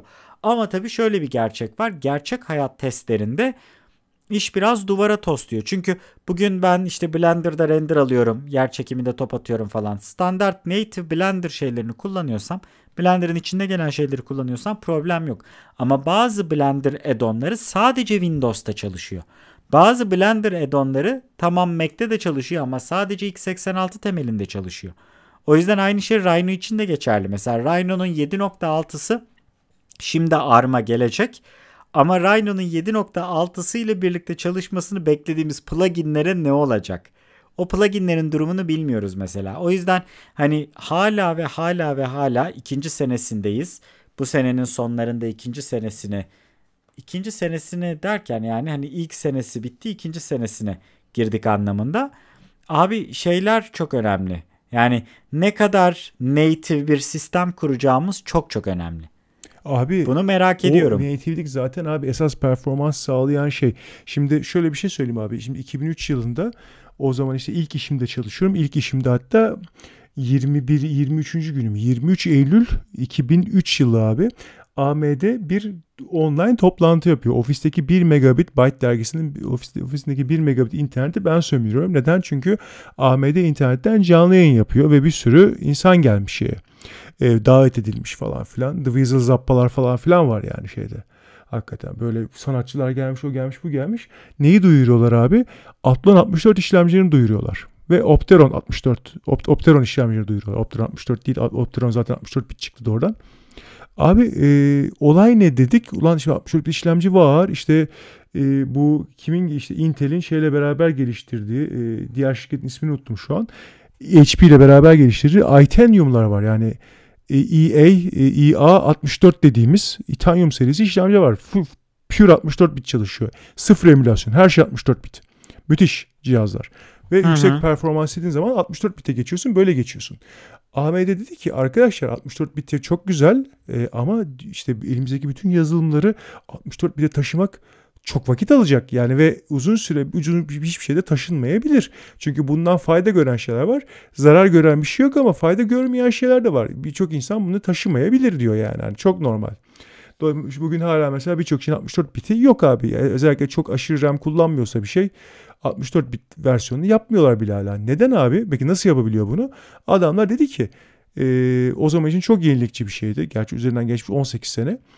E, arkadaşlar biz e, işlemcimizin içine 64 bit bellek geliştirmeleri koyduk ve 64 bit komutları destekleyebilecek hale getirdik. Ama işlemcinin önemli bir kısmı hala 32 bit çalıştırabilecek yeteneği de içinde koruyor. Dolayısıyla emülasyonsuz şekilde siz buna x86-64 diye bizim yeni komut setini destekleyen bir işletim sistemi kurarsanız üzerinde 32 bit uygulamalar da bu işletim sisteminde sorunsuz şekilde çalışacak dedi adamlar. Ulan ne kadar güzel bir şey bu. Wow falan olduk. Çünkü hani uyarlanmış yazılım ekstra performans alıyor. Diğerleri de normal çalışıyor. Sıfır performans zararı var. Müthiş kazan kazan ve maliyeti ne? Aynı abi yani maliyet de okey. E tamam bu güzel Hı-hı. bir şey denildi. Intel önce ay- ayak diredi buna biliyoruz. Yani çünkü çıkma şeyini biliyoruz. O zamanlar Windows XP vardı. Windows XP'nin x64 betası geldi falan filan ama bir sonraki Windows sürümüne kadar Vista mıydı? Vista'ya kadar aslında doğru düzgün şey desteği almadı. x64 versiyonu çıkmadı. Linux tarafında evet, zaten evet. serverlarda kullanıldı falan filan. Intel'de EM64T olarak bir sene içinde bildiğim kadarıyla bir sonraki işlemcilerde bu desteği sunmaya başladı. Çünkü bu yolun pratik olduğunu gördüler falan filan. Sorun yok. Güzel bir şey bu. Orada bir yol açıldı. İtanyumlar da uzun süre devam etti zaten. O ayrı bir şeydi zaten yani. Bambaşka bir olay. Neyse abi böyle bir şey yaptılar. Şimdi native'de kalmamızı sağlayan bir şey oldu. Ama burada şimdi şöyle bir sorun var. İşlemci tabanını sadece bir komut setinden başka komut setine geçirmiyoruz. Olduğu gibi bütün e, SISK mimarisinden risk mimarisine geçiyoruz. Mimari değişiyor tamamen. İşlemci yapıları değişiyor. İçindeki yazmaçlar değişiyor. İşte load store sistemleri değişiyor falan filan. Bambaşka iki tane işlemciden bahsediyoruz. Hani SoC olayını geçiyorum. O bambaşka bir olay. Bugün hani AMD, Intel'de uğraşsa SoC'ye çevirir bütün her şeyini ki o adıma doğru gidiyorlar işte. Sonuçta e, Intel bu scalable işlemcileriyle beraber işte aynı zamanda Altara'yı satın almıştı. Şimdi sunucu tarafında scalable Xeon'larla başka bir şeyler yapmaya çalışıyor. AMD gitti Xilinx'i satın aldı ve onaylandı. Satın alma işlemi hala devam ediyor. Ama beraber işte önce harici accelerator sonra işlemci içine belki bir şeyler sokacaklar. Bilmiyorum bu konuyla ilgili bir fikrim yok AMD'de çalışan bir insan olarak. Neyse. e, hakikaten hiçbir fikrim yok. Bunları bize anlatmıyorlar zaten. İçeride mühendis tanı tanıdığın olması lazım. Ki onları anlatsın. Sonra sen de bunu açık ettiğin için e, adam gönderip sana sıktırsınlar gibi. Neyse de böyle bir şeyler yok ama hani kurşun kurşun yağmuruna tutuldu. Önce zarfta sıkılmamış kurşun gönderirler tahmin. Arkadaş sen çok konuşuyorsun diye diye tahmin ediyorum. Neyse. Ya da şey bir sabah gelirsin masanın önünde klavyede klavyenin önünde böyle bir tane kurşun. Ha mesela güzel, güzel fikir güzel fikir sağ ol. Bana niye fikir veriyorsun ki abi böyle konularda? Neyse. E, Değil mi? Aslında beni gönderiyorlarmış. Bu işi yapan benmişim. O yüzden biliyormuş.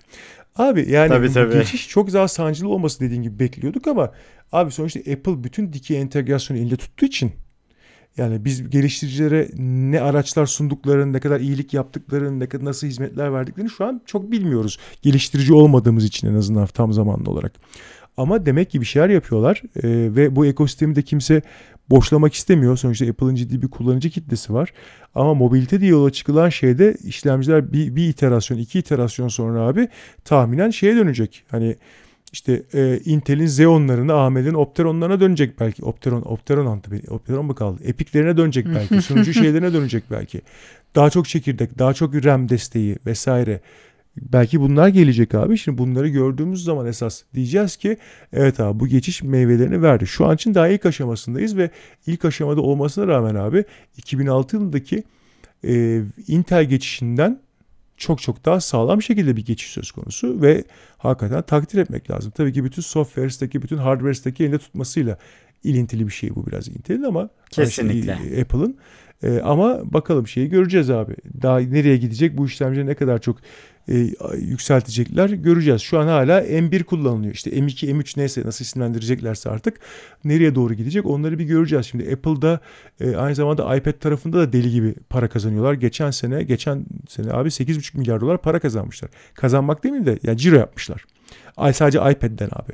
Çok ciddi para bu yani. Abi zaten her dalda iki, her dalda Oscar adayı gibi oldu. Yani her sektörel ürün ya da e, hizmet, serviste vesairede çift sayı yani onluk ve birlik basamağı olan büyümeler ve karlar elde etmişler. Yani veh. Abi normal. Sonuçta dediğim gibi abi bütün oradaki stack'i kontrol etmenin avantajlarını Apple sonuna kadar kullanıyor. Kullanmaya devam edecek. Dolayısıyla abi hani bu şey geçişi M1 geçişi yine mükemmel şekilde yapılacak abi. Bunu yapabilecek Apple var zaten sadece. Çünkü kendi software stack'i bu kadar iyi kontrol eden bütün dikey entegrasyonu her noktasını kontrol eden başka bir firma daha yok abi. Kimse kusura bakmasın. Yok abi sen en, en fazla Öyle. işlemci üretiyorsun. Gidiyor adamın üzerine yazılım yapıyor. İşte sonuçta bir yerde segfault veriyor yani. E peki abi oldu. Şimdi Apple'da bu işler böyle iyi değil. Adam kendi software kitine kadar kendisi yazıyor. Ordu gibi insan çalıştırıyor abi. O yüzden bu adamların başarısı da şey değil. Yani şans değil. Ha tabii bir onlar kadar başarılı yazılım tarafında başarılı diğer şirkette ekonomik anlamda başarılı tabii. Ha, Microsoft var abi. Microsoft da bu işin kompedanı. Ama adamlar ne yapıyor abi? İşletim sistemi var benim. İşletim sisteminden bağımsız olarak ofis yazılımım var. Bulut hizmetlerim var. İşte bunlardan en çok parayı bunlardan kazanıyorum diyor. E, olay buluta doğru gitti falan filan derken bugün abi zamanında e, SCO falan üzerinden e, işte bir şekilde durdurmaya çalıştığı Linux üzerinden şimdi Azure Cloud'da Linux instance veriyor herifler falan filan yani abi. Yani kavga ederek değil de barışarak aslında bu işler çözülüyor. Ee, işte Apple'da kendi ekosistemiyle bu şekilde umarım barışacak farklılığını ortaya koyup bir şekilde işte bu geçiş hızı yaparak insanların gözüne girecek diye umuyorum, düşünüyorum. Abi ne yapacağını biz de bilmiyoruz. Çünkü ben hani ta iPad'in yazılımının iOS'tan iPadOS diye ayrıldığı dönemde işte John Gruber'dır vesairedir, e, John Seracusa'dır herkesin genel olarak tartıştığı bir şey vardı. Abi biz bu aletle ne yapacağız? Yani bu aletin ekranına asla stylus değmeyecek dediğimiz alet şu anda Apple Pencil'sız düşünülemiyor. Aletin ekranında o kadar fazla gesture var ki bu gesture'ların hani el hareketlerinin neresinin ne yapacağını hiçbirisi e, sezgisel değil, bilmem ne değil. Yani ekranı bir şekilde ikiye bölüyorsun, yarım yarım kullanıyorsun. Sonra yarım yarımdan nasıl kurtulacağını bir türlü çözemiyorsun. Yani genel olarak iPad'in e, bu kadar satışa rağmen bir konumlandırılmasının yapılması çok zordu. Neyse ki son iki yılda birazcık toparladılar bu konuyu. Birazcık kendisine gelmeye başladı ama yine de hala çok uzağız. Ee, yani bir böyle e, karmaşa var. Bu arada şeyi de söyleyeceğim. Tekrar Ars Teknika'dan bir daha bakıyorum sen konuşurken. Yani Apple'da şeyi söylemiş. Şimdi artık bizdeki hani görünen sıkıntılar Avrupa'da vesairede görülmeyi ya da işte yakın dönemde Vox'un bir videosu vardı işte zengin ülkeler pandeminin sürmesini nasıl sağlıyor diye aşı sektöründe hani zengin ülkelerin verdikleri para karşılığında aldıkları çok yüz milyon dozla birlikte hala orta gelirli ya da düşük ülkelerin doz alamamasını, doz alamadıkları için ticari ilişkilerle vesairelerle pandeminin uzamaya devam etmesiyle ilgili şeyleri falan anlattıkları güzel bir video vardı. O noktadan dolayı da şeyi söylüyorlar Ars Teknika'da da. Yani bundan sonra artık e, hani M1'li bir cihazların vesairelerin satışını doygunluk noktasına ulaşılabilir. M1'li cihazlar genel kullanıcı için doygunluk noktasına ulaşıp profesyoneller bunun için daha büyük geniş yatırım yapmak istemedikleri için bir tıkanma söz konusu olabilir. Bir de genel olarak çiplerde yani yongalarda donanımsal sıkıntılar olacak. Yani artık çip bulunamayacak. Üretimsel sıkıntılar olması dolayısıyla. O yüzden hani bundan sonra neye evrileceği, nasıl bir şey yapacakları, karı nasıl dengeleyecekleri büyük bir soru işareti ama umuyorum WWDC'de bu sene Haziran başında güzel birkaç tane haber alırız. Çünkü işin içine şey giriyor abi. Beğeniriz beğeniriz beğenmeyiz severiz sevmeyiz. Bu adamların lanet olsun ki bir trend oluşturma alışkanlıkları var. Birçok kaba tabirle boktan trendin kökeni Apple'dan çıkma zaten. Buna e, ekrandaki notch'u da alabilirsin. Bunu e, arkadaki kameranın çoklu olmasına da alabilirsin. Birçok şeyi de alabilirsin yani. E, bütün görsel iticilikler vesairelerle ilgili trendler çıkıyor. Bakalım Hani belki bu sefer olumlu bir trend oluştururlar diye düşünüyorum. Ha şeyi söyleyeyim. O benim çok hoşuma gitmişti. Bu Apple etkinliğinin başlangıçta ilk 6 dakikasında abi Apple e, yani bu Apple'ın kendi kredi kartının Family diye bir ayağını yaptılar. Bu çok güzel bir şey abi. Kredi notu dediğimiz bir şey var. Hani bizde de Türkiye'de de Findex kredi notu ıvır zıvır diye şeyler. Abi kredi bu arada Findex bir marka mıdır yoksa kredi notunun genel Yok adı abi mıdır? Hani marka Turkcell abi. Sana sunan şeyler. Öyle mi? Ben Türksel Ha pardon ben Türksel Süper Lig gibi şeyin isminin bir parçası zannediyordum da neyse. O zaman özür diliyorum ya. Firma bize sponsorluk falan vermedi. Niye adını anlıyoruz? Allah Allah Allah. Şeyde abi kredi notunda evli çiftlerin ya da aile üyelerinin kredi notlarının ortak olması. Böylelikle ailenin bir üyesi dışarıda çalışıyor. Diğer üyesi evdeyse yani sonuçta bu bir iş bölümü ise evdeki insanın kredi notunun düşük kalmaması. Ama işte kötüyse de kötülüğün de paylaşılması. Yani aile olmak, bir arada olmak kavramının pozitif bir şekilde yansıtılması anlamında güzel bir girişim başlatmışlar. Ben çok pozitif buldum bunu. Yani biz Türkiye'de bireyselcilik, evlensek de bilmem ne olsak da herkes birbirinden ayrı olmalı diye rö tekrar bu bağlanma problemleri ve bencillik konuşmalarına giriyor. Bambaşka bir şey. Ama yani böyle güzel girişimleri falan olması ve anladığım kadarıyla sunucu e, genel olarak işte operasyonel bilmem ne aşamalarında şeyler değil. Manufacturing yani üretimin tümü değil ve aynı zamanda dünya genelindeki storeları, dükkanları da hepsi değil. Ama diğerlerinde karbon neutral yani karbon olarak sıfıra sıfır duruma da geçmiş abi. 2030'a kadar da diğer konularda da karbonla sıfıra sıfır geçmeye çalışıyorlar. Yani pozitif şeylerin olduğu bir dünya. Yani sen Apple vergisi ödüyorsun donanımı alırken ama en azından verdiğin vergi sana karşılığında daha az karbon emisyonu olarak dönüyor diye pozitif bir bakış açım olduğunu düşünüyorum. Ee, bu da bu dönemde bence önemli bir şey. Evet dünyamızı her geçen gün daha yaşanılmaz bir hale getirirken tabii ki bunun olması da gayet önemli. Mindoş, tontoş bir ayrıntı. Tabii abi şey burada birazcık bunu yapabilecek ekonomik gücü olması da önemli tabii ki. Apple bunu en azından bir ucundan da olsa kullanıyor. Güzel bir gelişme. Öteki türlü hep al hep al nereye kadar abi? Yatırımcıları bir yere kadar memnun edebilirsin. Aynen öyle. Bir de hani bunları söylememize rağmen Sezar'ın hakkı Sezar alışkanlığımızı yerine getirelim. Hala Apple Watch'un ucuzlarında şarj cihazı vermez iken çünkü işte doğaya zarar veriyor. Pahalı modellerinde şarj cihazını dahil ediyor olmaları gibi bazı büyük rezilliklerinin olduğunun da altını Zaten çizelim. bunlar yani. 3000 motor araba kullanıyordur benzinli. Bunlara ver abi boş ver bunlardan bir şey olmaz tabii tabii ham Aynen hamvisini kullanırken hamvisinin içerisinde işte şeyli elmas işlemeli hamvisini kullanırken bunlara yasla demeleri gerçekten net bir şey. O zaman bu günü de böyle yavaş yavaş kapıyoruz galiba. Evet, görünüşe göre iki tane önemli konumuz vardı. Bunların ikisini de uzun uzun konuştuk. Vallahi biz dinlediğiniz için çok teşekkür ederiz arkadaşlar. Ee, mütakip o zaman çokgen teker bölümlerinde görüşmek dileğiyle şen ve esen kalın. Kendinize iyi bakın. Hoşçakalın.